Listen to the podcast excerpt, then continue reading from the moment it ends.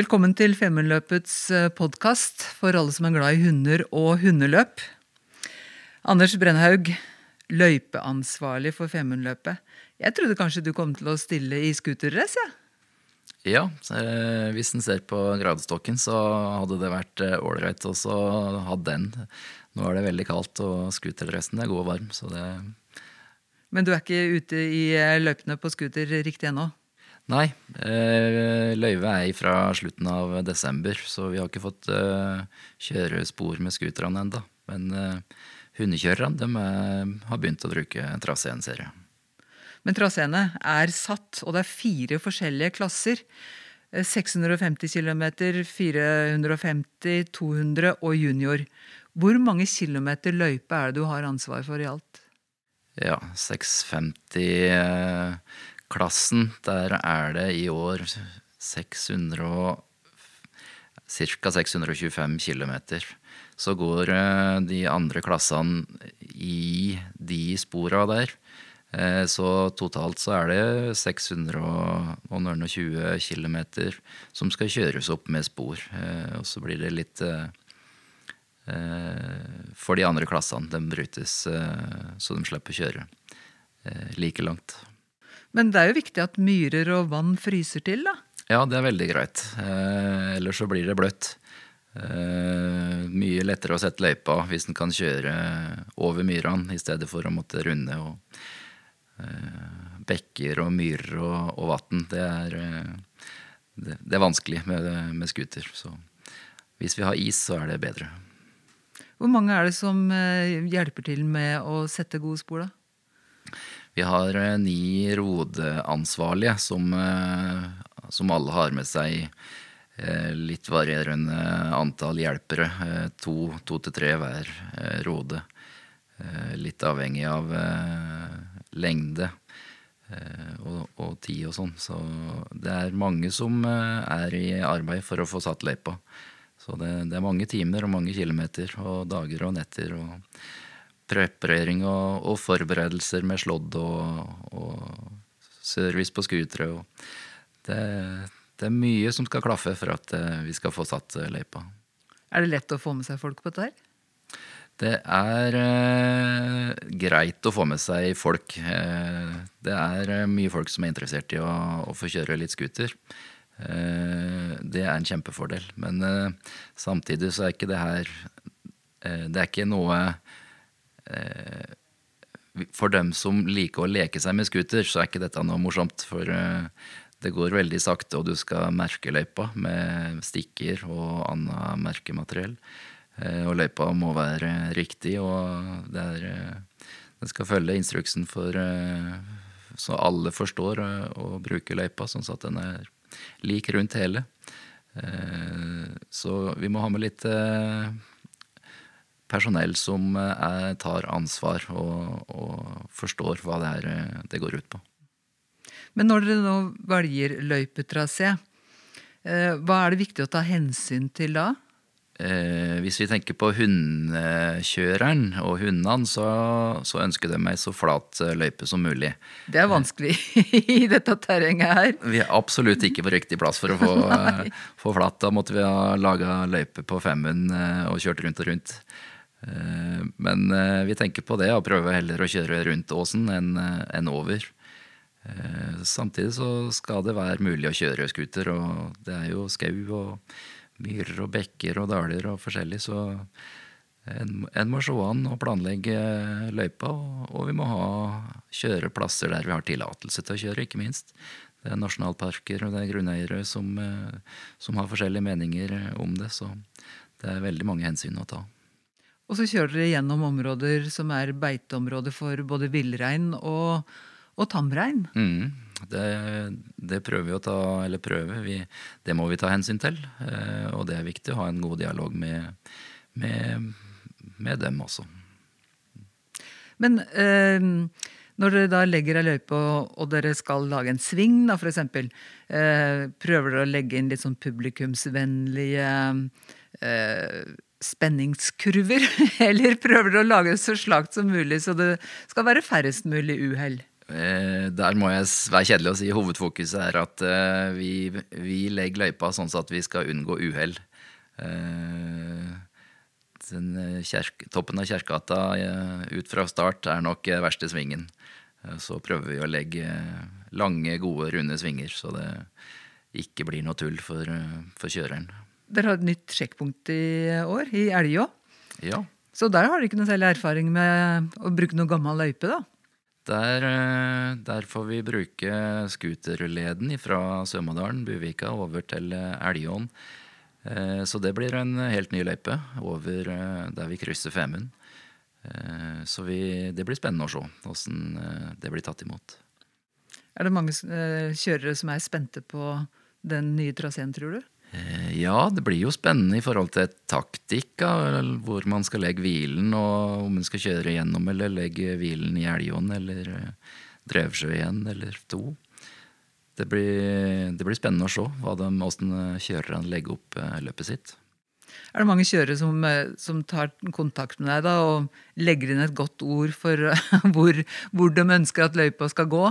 Eh, nei, det, det, er det ikke så mange som spør meg om. Men eh, jeg tror de forbereder seg med å følge med og ser når løypa blir satt, og, og er ute og kjøre og, og uh, gjør seg sine egne erfaringer. Og eh, jeg tror alle hundekjørerne de er velvillige til å dele, dele, det de vet og egne erfaringer. Så det er et uh, godt miljø, så de det er en fin familie å, å, jobbe med. Det er kanskje mest spennende hvis det er folk som har en hundegård som ligger veldig tett inntil løypa, så bikkjene vil hjem istedenfor å løpe forbi? Det kan nok være en utfordring, ja. At eh, løypa er i nærheten. Og hundene merker at de eh, er nærme hjemme.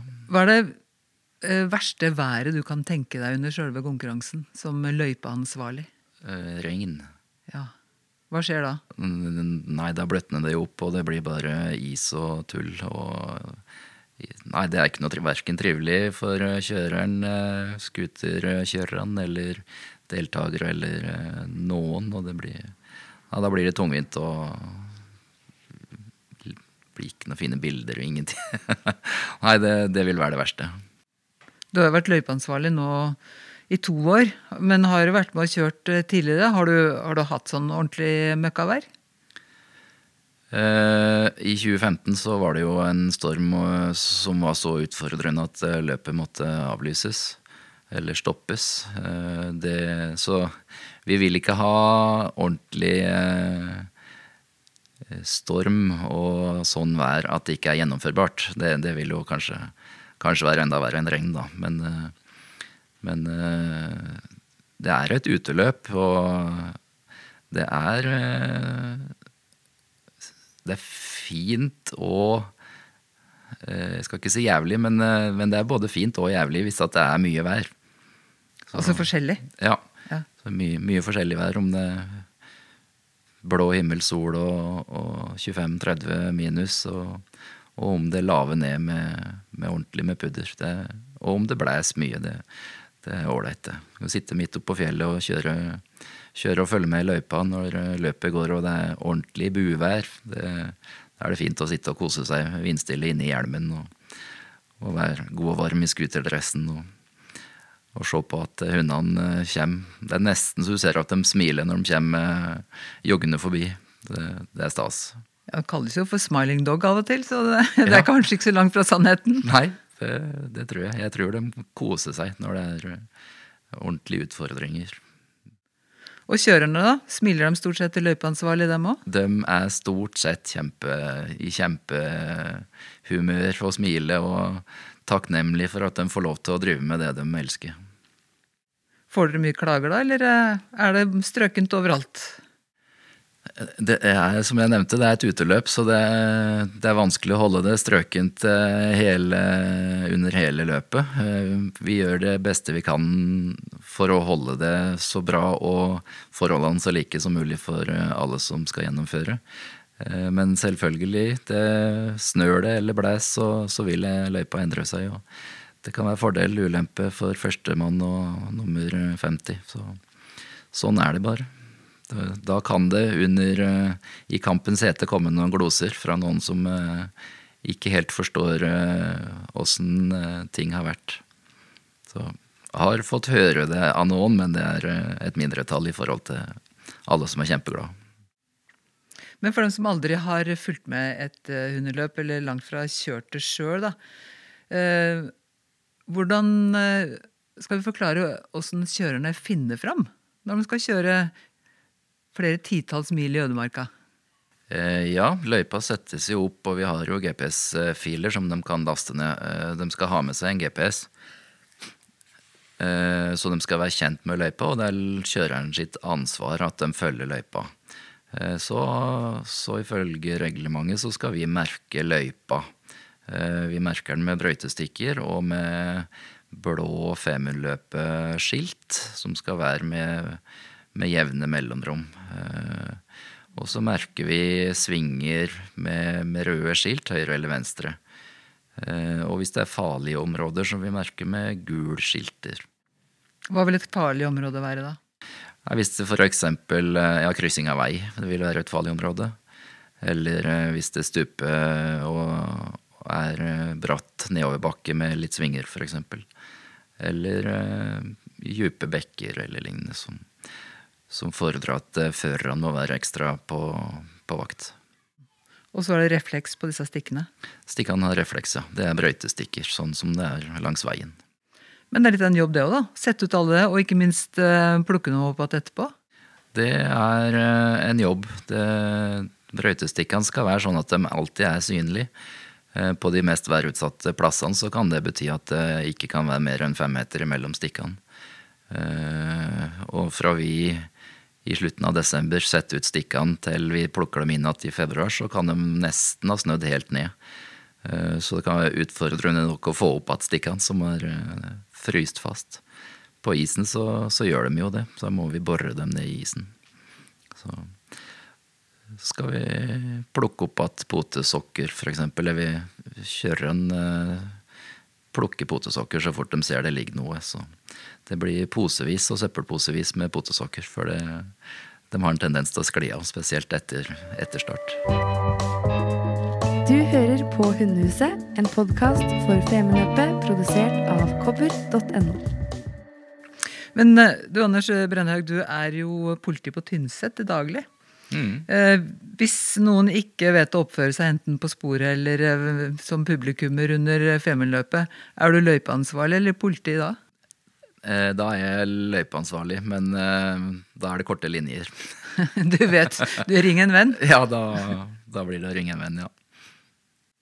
Har du sett eller opplevd spesielle situasjoner når du har kjørt scooter, enten i løpet eller forberedt? Nå tenker jeg ikke på sånn som du som politimann måtte bryte inn, men uh, noe som du husker spesielt godt? Eh, ja, det er jo litt sånn fortløpende noen hendelser. Men eh, den typiske er eh, når vi sitter og kjører og slådder sporet, så tenker vi at eh, scooteren den kjører mye fortere enn eh, hundekjøreren. Ja, for dere kjører bestandig et, foran første, første hundespann? Ja, da legger vi så vi kjører ut en times tid før, før første startene før hver klasse. Eh, og da har vi jo en times forsprang, og vi tenker jo da at vi kjører mye fortere enn en eh, hundespannene. Eh, men det, det, har skjedd flere ganger at vi merker opp at litt, stopper for å sette opp at brøytestikker som er bløssende eller som er nedkjørt, og kostet av snø fra retningsskilt. og plutselig så, så, ser vi bak oss, og så er uh, første spannet helt i hælene på oss, og vi får ordentlig dårlig tid. Uh, og da, da, blir det litt at en må forte seg. Det, det har skjedd uh, mange ganger, og det kommer sikkert til å skje igjen. Men det, det er litt ubehagelig som scooterfører, for det, det er fort gjort å både sette seg fast og miste noe, og du må stoppe litt. Du ønsker jo ikke også å være i veien for kjøreren. Det er jo en konkurranse. De skal ha første mål, så da må vi holde huet kaldt. Men du har kommet deg av gårde før spannet var der? Ja da, det har vi. Det var en episode for noen år siden da vi skulle ta en eh, lunsjpause i Narejordet. Da satt vi og begynte på kaffen, og så sjekka vi trekkinga, og trekkinga kunne være litt på, på den tida litt eh, at den hang litt. Så plutselig så spratt eh, de første kjørerne, eh, så vi så at de hadde passert der vi hadde kaffestoppen vår. Vi kjørte litt av løypa. Så da ble det veldig travelt. Så måtte vi ta noen snarveier for å klare å runde de to første som allerede hadde passert oss. Men de tok det med et smil, heldigvis. Kjører du alene når du driver og preparerer eh, løype i uh, villmarka rundt Femundstraktene? Vi etterstreber å være to. Uh, minst to. For en vet aldri. Det kan være alt mulig som kan skje med scooter og utstyr. og og terrenget for øvrig, så det er en sikkerhet i det å være to. Det er i hvert fall mer enn bare du som skal vite at du er ute i sporet. Hvor er den aller fineste strekningen eh, i eh, Femundløpets eh, løypetrasé, syns du? Ja, Vi må trekke fram Narskaftet i Hummelfjellet. Der er det oppå Snøfjellet, og det er alltid litt vind og litt sno.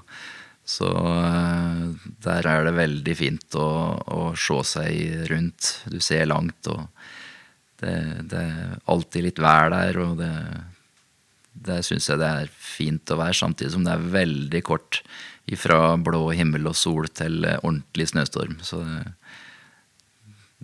jeg trekker fram Narskaftet og Hummelfjellet. Du får ikke lyst til å bytte scooter med hundespann, da? Eh, jo da, det, det, er ofte det at jeg kunne tenkt meg å stått, eh, stått bak. Eh, så det Jeg er åpen for begge deler. Men i år er du løypeansvarlig? I år tar jeg løypeansvarlig-biten. Lykke til. Takk for det. Du har hørt på Hundehuset, en podkast for Femundløpet produsert av kobber.no. Lytt til Hundehuset på Spotify. Husk å abonnere for å få med deg alle episodene. Ønsker du liveoppdateringer, tracking og mye, mye mer, gå inn på liverace.no.